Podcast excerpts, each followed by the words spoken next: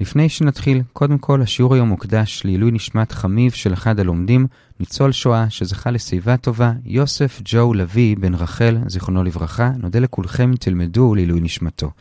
שלום לכולם, אנחנו לומדים בדף נ"ד במסכת כתובות, באתר sny.org.il. אנחנו מתחילים את הלימוד בשליש העליון של עמוד א', ונסיים בסיום הפרק בעמוד ב', השיעור היום יהיה 14 דקות. היום נחלק את השיעור לשלושה חלקים. בחלק הראשון נדבר על המזונות שהיתומים צריכים לתת לאלמנה. בחלק השני, כשהיתומים נותנים לאלמנה כתובה, האם הם מקזזים את הבגדים שהבעל נתן לה בחייה, ובחלק השלישי נראה שלושה סיפורים לגבי שכיב מרע שציווה לתת איזשהו נכס לאלמנה או לבנות, ונראה מה הדין. אז אנחנו מתחילים בחלק הראשון, המגורים והמזונות שהיתומים צריכים לתת לאלמנה. כלומר, כמו שכתוב בנוסח הכתובה, את תהא יתווה בביתי, ומצנה מנכסי, כל ימי מגר אלמנותך בביתי. כלומר, אחרי שהבעל מת, אלמנה יכולה להמשיך לגור בבית שלו ולזון מהנכסים שלו על חשבון היתומים שירשו אותם. זה הדין, ולגבי זה נראה עכשיו שני דיונים. הדיון הראשון זה שמדייקת הגמרא מתי האלמנה יכולה להמשיך לגור בבית, רק שיש בית, כלומר בית גדול שבו גם היתומים וגם האלמנה יכולים לגור. אבל אם הבעל גר בבית קטן, למשל בקתה, ששם אין מקום גם ליתומים וגם לאלמנה, אז היתומים לא חייבים להשאיר אותה שם, היא צריכה לחפש לה מקום אחר. יש מחלוקת בראשונים האם זה על חשבונה או על חשבונם. עכשיו לגבי מצב כזה שהם לא צריכים לתת לבית, מה לגבי מזונות? אז מר ברב אשי אומר שגם את זה הם לא צריכים, כלומר יש תלות בין המזונות לבין הבית, אז אם אין בית גם אין מזונות, אבל רב יוסף אומר אין תלות, אז בית הם לא צריכים לתת לה, אבל מזונות הם כן צריכים, וזאת ההלכה. עד כאן הדיון הראשון. הדיון השני זה עד מתי היא זכאית לקבל מזונות מהיתומים. אז בניסוח של הכתובה כתוב, כל ימי מגר אלמנותך בביתי. כל זמן המגורים שלך כאלמנה בביתי. מה זה אומר? זה אומר שכל עוד האלמנה עדיין קשורה לבעל הראשון, כלומר לנפטר, אז היא מקבלת מזונות. אבל אם קרה משהו שבעצם מסמל את זה שהיא ממשיכה הלאה ושמה את העבר מאחוריה, אז כבר היא לא מקבלת מזונות. זה באופן כללי. עכשיו במשנה יש שתי גישות מי יכול ליזום את אותו ניתוק קשר מהעבר. הגישה של אנשי ירושלים והגליל זה שזה תלוי רק באלמנה עצמה. לעומת זאת, הגישה של יהודה זה שזה תלוי גם ביורשים. אז נתחיל קודם עם הגישה הראשונה, אנשי ירושלים והגליל, ואז נעבור לגישה השנייה ונראה כמי הלכה. אז לגבי הגישה של אנשי ירושלים והגליל, כאמור, זה תלוי רק באישה, כלומר, רק אם האישה עושה משהו שמראה על ניתוק מהעבר, כלומר מהבעל הנפטר, ושהיא רוצה ללכת הלאה, אז באמת היא מפסיקה לקבל מזונות. עכשיו, באיזה פעולה מדובר? אז כאן גם כן יש שתי שיטות. נתחיל דווקא בשיטה השנייה, כי היא מוסכמת על כולם. השיטה השנייה זה שהיא מממשת את הכתובה. מה הכוונה מממשת? אז גם כאן יש שתי אפשרויות. רב יהודה בשם שמואל אומר, פשוט שהיא תובעת מהיתומים את הכתובה שלה, בזה היא בעצם אומרת, תנו לי את הכסף, אני ממשיכה הלאה, ולכן היא מפסיקה לקבל מזונות. בברייתא לעומת זאת לא כתוב תובעת כתובתה, אלא שהיא משתמשת בכתובה בתור מקור לכסף. כלומר, למשל, שאחרי שבעלה נפטר, היא מכרה את הכתובה שלה. גם זה מראה שהיא לשים את כל הנישואים האלו מאחור ולהמשיך הלאה, ולכן גם אז היא מפסיקה לקבל מזונות, אבל השאלה היא, למה הברייתא לא הזכירה את מה שרב יהודה בשם שמואל אמר, שגם כשהיא רק תובעת כתובתה, גם אז היא מפסיקה? עונה הגמרא, כי הברייתא עסקה רק בדברים כאלה שיכולה לעשות גם שלא בפני בית דין, כמו למשל למכור את הכתובה, אבל לתבוע את הכתובה זה דבר שעושים בבית דין, לכן הברייתא לא הזכירה, אבל באמת, גם האפשרות הזאת תפסיק את המזונות. עד כאן השיטה השנייה, בתוך שיטת ירושלים והגליל, האישה יכולה להראות שהיא ממשיכה הלאה על ידי מימוש הכתובה.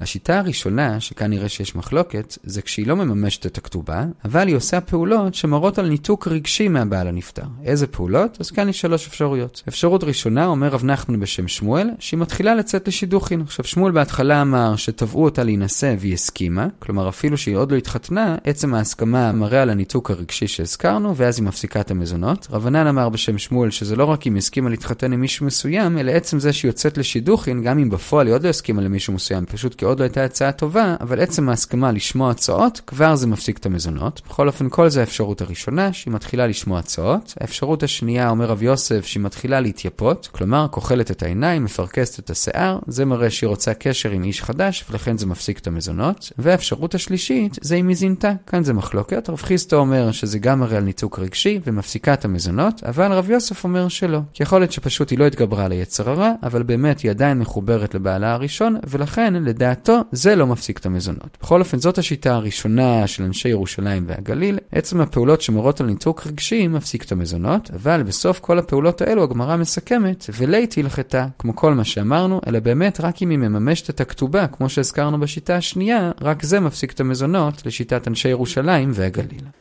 אז עד כאן שיטת ירושלים והגליל, שהאישה צריכה להיות זאת שיוזמת את הפסקת הקשר מהבעל הראשון, ורק אז יפסיקו לתת למזונות. לעומת זאת, השיטה של אנשי יהודה זה שזה לא תלוי רק באישה, אלא גם ביורשים. כלומר, הם יכולים להגיד לה, אפילו מיד אחרי הלוויה, הנה הכתובה שלך, לכי לבית של ההורים שלך, אנחנו כבר לא נותנים לך מזונות. ובאמת, גם בכתובה, הניסוח שלהם היה שונה, לא כתוב כל ימי מגר על מנותך, אלא עד שירצו היורשים, ליתן לך כתובתך. אז אלה שתי הגישות. שוב, ירושלים והגליל זה תלוי רק באישה. אנשי יהודה החמירו על האישה ואמרו שגם היורשים יכולים ליזום. עכשיו, כמי ההלכה? אז שמואל הקל על האישה ופסק כירושלים והגליל, וזה היה המנהג בנהרדה והאזור. רב החמיר על האישה ופסק כיהודה, וזה היה המנהג בשאר בבל, והגמרא מביאה סיפור לגבי אישה שהיא עצמה הייתה ממחוזה, שזה נחשב כשאר בבל, אבל בעלה היה מנהרדה, ושם הם גרו, והיתומים רצו ללכת לפי בבל ולא לתת לה מזונות, אלא לתת לה כתובה ולשלח אותה. לעומת זאת, היא אמרה, מגיע לי מזונות עד מתי שאני רוצה, כמו בנהרדה, ורב נחמן בסופו של דבר פסק בזה לא טובתה, שהולכים לפי הבעל או לפי המקום שהם גרו, כי על דעת זה היא נישאה לו, ולכן היא תקבל מזונות, כל עוד היא לא יוזמת משהו הפוך. עד כאן הדיון השני בחלק הראשון של השיעור. בחלק הזה דיברנו על המגורים והמזונות שהאישה מקבלת, נחזור על זה עוד פעם בסוף השיעור.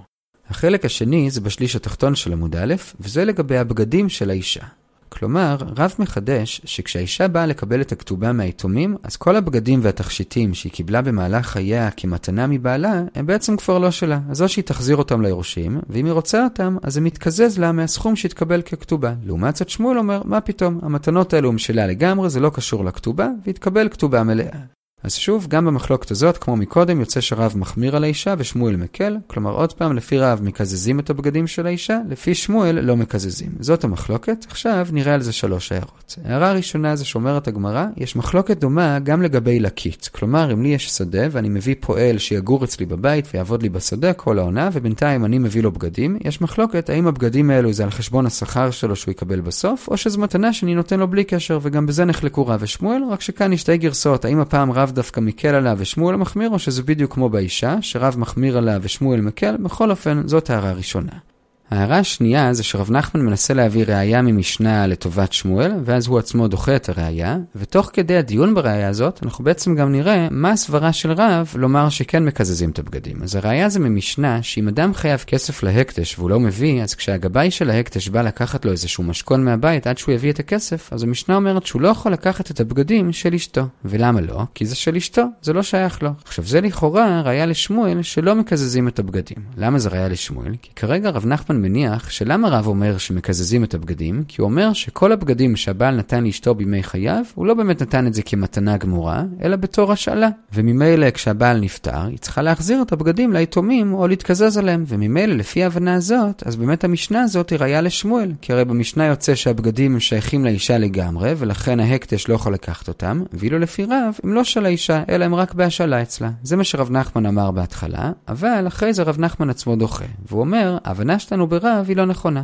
באמת, גם לפי רב שהיא צריכה להחזיר את הבגדים, זה לא שהבגדים לא היו שלה. באמת, כשהבעל היה חי, הבגדים היו שלה לגמרי. אבל ברגע שהבעל נפטר לפניה, אז המתנה הזאת של הבגדים פוקעת למפרע. למה? כי כשהוא נתן את הבגדים, הוא נתן את זה בשביל שכשהיא תהיה נשואה לו, יהיו לו בגדים. אבל כשהוא נפטר לפניה, אז כבר אין לו עניין שיהיה לו את הבגדים, ולכן המתנה פוקעת והיא צריכה להתקזז על הבגדים. זאת הסברה המתוקנת ברב, וממילא עכשיו גם רב מסתדר עם אותה משנה. כי באמת כל עוד הם נשואים, זה כן של האישה לגמרי, ולכן גם לפי רב, ההקדש לא יכולים לקחת את הבגדים של האישה. עד כאן ההערה השנייה, ניסיון להוכיח מהמשנה והתחייה, וממילא גם הבנו את הסברה של רב. הערה שלישית זה כמי ההלכה, אז גם רב נחמן ובעקבותיו גם רבינה פוסקים כרב שהיא כן צריכה להחזיר את הבגדים, והגמרא מספרת על זה גם סיפור שהיו תומים שפחדו שהאלמנה תחביא את הבגדים היפים שלה ואז הם לא יוכלו להתקזז גם על אותם בגדים, אז כשהם הלכו איתה לבית דין בשביל לדון בכתובה, הם אמרו לה, זה לא נעים לנו שאת באה ככה בבגדים זולים, בואי עם בגדים יותר מכובדים, אז היא הלכה הביתה וחזרה לבושה בכל הבגדים שלה, וככה בית באמת באמת ראו כמה בגדים יש לה, ואז באמת רבינה כאמור פסק שהיא צריכה להתקזז על הבגדים, וכך הם עשו שיטה שלא תוכל להעלים בגדים שבאמת יש לה. עד כאן הערה שלישית, ועד כאן חלק השני של השיעור לגבי המחלוקת האם הבגדים שלה או חוזרים ליתומים. החלק השלישי והאחרון מתחיל שתי שורות לפני סוף עמוד א', וכאן אנחנו נראה שני דיונים לגבי שכיב מרע שציווה להשתמש בנכסים שלו בשביל לדאוג לבנות או לאישה. הדיון הראשון זה לגבי שכיב מרע, שרצה להיות בטוח שאחרי שהוא ימות, אז הבנים שיורשים אותו ידאגו לאחיות שלהם לא רק למזונות, אלא גם לנדוניה, בשביל שאחרים ירצו להתחתן איתם, ואומנם כבר למדנו שיש תקנה שממילא הבנים צריכים לדאוג לנדוניה לאחיות שלהם, אבל האבא לא שמח על זה, והוא רוצה להיות בטוח, אז לפני שהוא נפטר, הוא אמר בדיוק מה לתת לבנות. ואחרי שהוא אמר הוא נפטר, ואז עברו כמה שנים והגיע הזמן של הבנות להתחתן, אז הן הולכות לאחים ומבקשות את הנדוניה שאבא הבטיח להם, וכאן עולה ויכוח בין הבנים לבין הבנות. האם ללכת לפי המחיר שזה היה שווה כשאבא נפטר, או לפי המחיר שזה שווה היום. וכאן זה תלוי בניסוח שאבא אמר. אם כשאבא אמר לתת לנדוניה, הוא לא הדגיש מה העלות של מה שהוא רוצה לתת, אלא רק אמר מה החפצים שהוא רוצה לתת. למשל, הוא אמר לתת לה חמישה סטים של מצעים, אז כיוון שהוא לא הזכיר את הערך, אז אנחנו לא הולכים לפי הערך של מה שהיה אז, אלא פשוט לפי החפץ איכשהו היום. כלומר, הבנים פשוט צריכים לתת לה חמישה סטים של מצעים. אז אם המחיר של מצעים ירדו מאז שאבא נפטר, היתומים ירוויחו מזה, כי זה יעלה להם פחות. אם המחיר של מצעים עלו מאז שאבא נפטר, היתומים יפסידו מזה, כי זה יעלה להם יותר. זה בסיפור הראשון בגמרא, במקרה כאמור שאבא לא הזכיר את הערך. אבל אם האבא כן הזכיר את הערך, כמו שמסופר כאן בסיפור השני, שאבא אמר לתת לה יין בשווי של 400 שקלים, אז כאן כיוון שהוא הזכיר את הערך, אז כשהם נותנים לה את היין, הם לא יכולים לתת לה יין לפי הערך של היין כשאבא נפטר, אלא הם צריכים לתת לה יין שהיום שווה 400 שקלים, וממילא כאן המצב מתהפך. כלומר, אם המחיר של היין ירד, אז היתומים דווקא יפסידו מזה, כי זה אומר שהם יצטרכו לתת לה מהיין שהם ירשו מהאבא יותר יין, כי צריך יותר יין בשביל להגיע ל-400 שקלים, ואם המחיר של היין עלה, אז הם מרוויחים מזה, כי הם צריכים לתת לה פחות יין, כי אותה כמות קטנה יותר של יין כבר היא שווה 400 שקלים. אז זה הדיון הראשון, האם הולכים לפי הסכום שזה היה או לפי הסכום של היום, זה תלוי בניסוח שהאבא אמר. הדיון השני, ובזה נסיים, זה סיפור מעניין, זה בשורה השנייה בעמוד ב', וזה לגבי בנים שראו שהאישה של אבא שלהם אוכלת הרבה. עכשיו, אבא שלהם נטה למות, והם ידעו שכשהוא ימות הם יצטרכו לזון אותה, והם פחדו שהיא תאכל להם את כל הנכסים, אז הם הלכו להתייעץ עם רבי יוחנן, ורבי יוחנן הציע להם הצעה, הוא אמר להם, תלכו לאבא שלכם, ותאמרו לו שייחד לאישה קרקע, ויאמר שהקרקע הזאת היא למזונות שלך. כלומר, בעצם את תקבלי מזונות רק מהקרקע הזאת, ולא מעבר לזה. עכשיו, באיזה זכות הבעל יכול לעשות את זה לאשתו? הרי כל הנכסים אחראים לכתובה ולתנאי הכתובה, שזה כולל גם את זה שהיתומים יזונו אותה, מה פתאום הוא יכול לצמצם אותה לקרקע מסוימת? אז רש"י מסביר שזה בנוי על דין שנראה אותו גם מחר, המקור של זה זה ממסכת פאה, וזה שאם הבעל חילק קרקעות בחייו, גם לילדים וגם לאישה, והאישה לא מחתה ואמרה, רגע, רגע, הרי גם מגיע לי כתובה, מה אתה נותן לי רק את זה, מגיע לי הרבה יותר, אז כיוון שהיא לא מחתה, אנחנו מניחים שהיא מחלה על כל השאר, והיא הסתפקה באותה קרקע שהיא קיבלה בחייו. ממילא, כשרבי יוחנן הציע את ההצעה שהזכרנו לאותם בנים, בעצם הוא התכוון להשתמש באותו עיקרון. כלומר, תאמרו לאבא שיאמר לאישה שהיא תקבל את המזונות מזה, וכל עוד היא לא תמחה, זה בעצם אומר שהיא מחלה על שאר הקרקעות והיא לא תאכל מהם. אז זה העצה שרבי יוחנן הציע להם, והיתומים חזרו הביתה שמחים ושכנעו את האבא לומר לה את זה, והוא אמר לה את זה, ובאמת אז האבא נפטר, והאלמנה רוצה לאכול, והקרקע לא הספיקה לה, והיא רוצה עוד, והיתומים לעומת זאת אומרים, מה פתאום, אבא אמר לך שזה רק מהקרקע הזאת. אז הם באו לדון לפני ריש לקיש, וריש לקיש פסק נגד מה שרבי יוחנן אמר, והוא אמר שכשאבא אמר לה את זה, לא רק שהוא לא צמצם לה את האפשרויות לקבל את המזונות, אלא אדרבה, הוא דווקא הרחיב לה את האפשרויות. כלומר, לולי שהוא היה אומר לה את זה, הם באמת היו צריכים להכיל אותה מכל הקרקעות, אבל אוכל ממוצע. כלומר, לא יכולה לדרוש כל יום ללכת למסעדה, אלא אוכל רגיל בכמות ממוצעת. אבל כיוון שאבא אמר שהתקבל מזונות מהקרקע הזאת, זה לא בא לצמצם, זה בא להרחיב את הזכויות שלה, ולומר שאם היא רואה שהילדים מאכילים אותה כמות ממוצעת, והיא רוצה יותר או יותר משובח, אז כל הקרקע הזאת היא יכולה להשתמש בה בשביל כל כמות ואיכות של אוכל שהיא רוצה. זה מה שפסק ריש לקיש. שוב, רבי יוחנן אמר שזה צמצם לה את אפשרויות המזונות רק לקרקע הזאת, ריש לקיש אמר שזה דווקא הרחיב לה. עכשיו, היתומים שמעו את הפסק של ריש לקיש, אמרו לו, הרי רבי יוחנן לא פסק כך, אז הוא אמר, לא אכפת לי, אתם תעשו כמו שאני אומר, אז היתומים חזרו לרבי יוחנן ואמרו לו מה שריש לקיש אמר, אז רבי יוחנן אמר, אין מה לעשות. ברגע שריש לקיש אמר, אז כך אנחנו צריכים לעשות. זה הסיפור. אחרי זה מובא שרבי אבאו אומר בשם רבי יוחנן, שגם רבי יוחנן קצת חזר בו, ויכול להיות שבאמת גם זה מה שאומר ריש לקיש, וזה שזה תלוי בניסוח של האבא. אם האבא אמר שהקרקע הזאת היא למזונות שלך, אז באמת כמו שריש לקיש אמר, זה בא להרחיב את האפשרויות של האישה. אבל אם האבא אמר זה במזונות שלך, כלומר את המזונות תיקחי רק מכאן, אז באמת זה כמו שרבי יוחנן אמר בהתחלה, זה בא לצמצם את המזונות רק לאותה קרקע. עד כאן הדיון השני לגבי השכיב מרע, ובזה סיימנו בעזרת השם את פרק נערה שנתפתתה, הדרן הלך נערה, נעצור כאן, נחזור על מה שראינו. חילקנו את השיעור לשני חלקים. בחלק הראשון דיברנו על המגורים והמזונות שהיתומים צריכים לתת לאישה, בזה ראינו שני דיונים.